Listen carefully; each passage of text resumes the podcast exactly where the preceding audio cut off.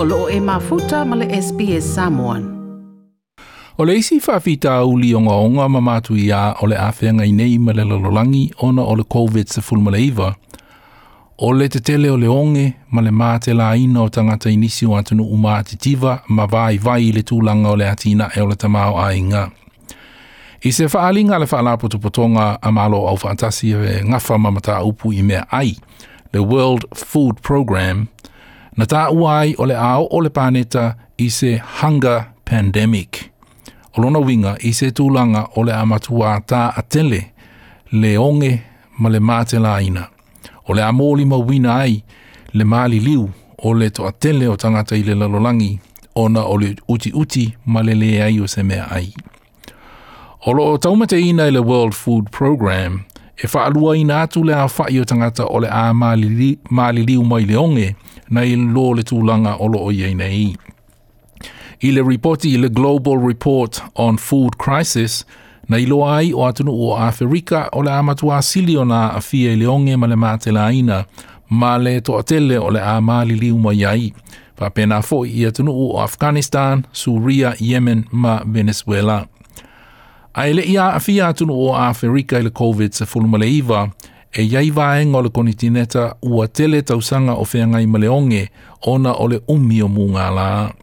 Na sa unua le whaatonu o le World Food Program, David Peasley, o le teimi le nei e te tawai i le lalolangi o na whaatulanga fesoa soani mō atunu u e ono sili ona lamatia mai le onge male mate la aina ona ole coronavirus. If we don't prepare and act now to secure access, avoid funding shortfalls and disruptions to trade, we could be facing multiple famines of biblical proportions within a short few months. The actions that we take will determine our success or failure in building sustainable food systems as the basis of stable and peaceful societies.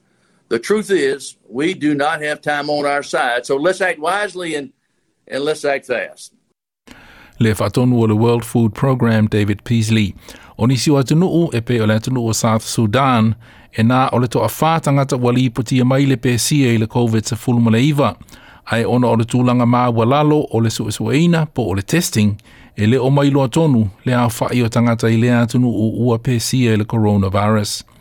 E toa se fulma le tasi miliona le au whai o tangata i South Sudan ai nā o le lima masini mānawa po o ventilators i, i le whale mai. Nā sā no le whātono o le World Food Programme i le atunu o South Sudan, Matthew Hollingworth, o le pepesi o se wha mai tele e a fua mai le coronavirus i le atunu o, o se tūlanga e matua whainga tāo na tatali. Last year, we had to feed 5 million people due to fighting and flooding. Already in 2020, we've had locust invasions, and now there is the COVID 19 pandemic. Le Fatonu le World Food Programme in South Sudan, Matthew Hollingworth. Ona o sai fe malanga inga me fela ua inga, ona o pui puinga mai le COVID sa fun maleiva, wa atili te tele ai ma le onge ma le mātela aina i atunu o epe o South Sudan, e le e wha le over i le miliona o tangata i me ai e awala tu i fesawa swani mai malo au fantasi mai si atu nu o le lalolangi. A ilo atonu le tūlanga o le pepesi o le coronavirus i atu nu o Afrika na sa noa le fatonu o le World Food Program David Peasley e ono o o i le lua se la uono se fuluma le lima miliona tangata i le paneta o le a maali liu o na o le onge ma le mate la aina i le COVID se fuluma le iva. there are a further 135 million people facing crisis levels of hunger or worse. That means 135 million people on earth are marching toward the brink of starvation. But now the World Food Program analysis shows also due to the coronavirus that an additional 130 million people could be pushed to the brink of starvation by the end of 2020. That's a total of 265 million people.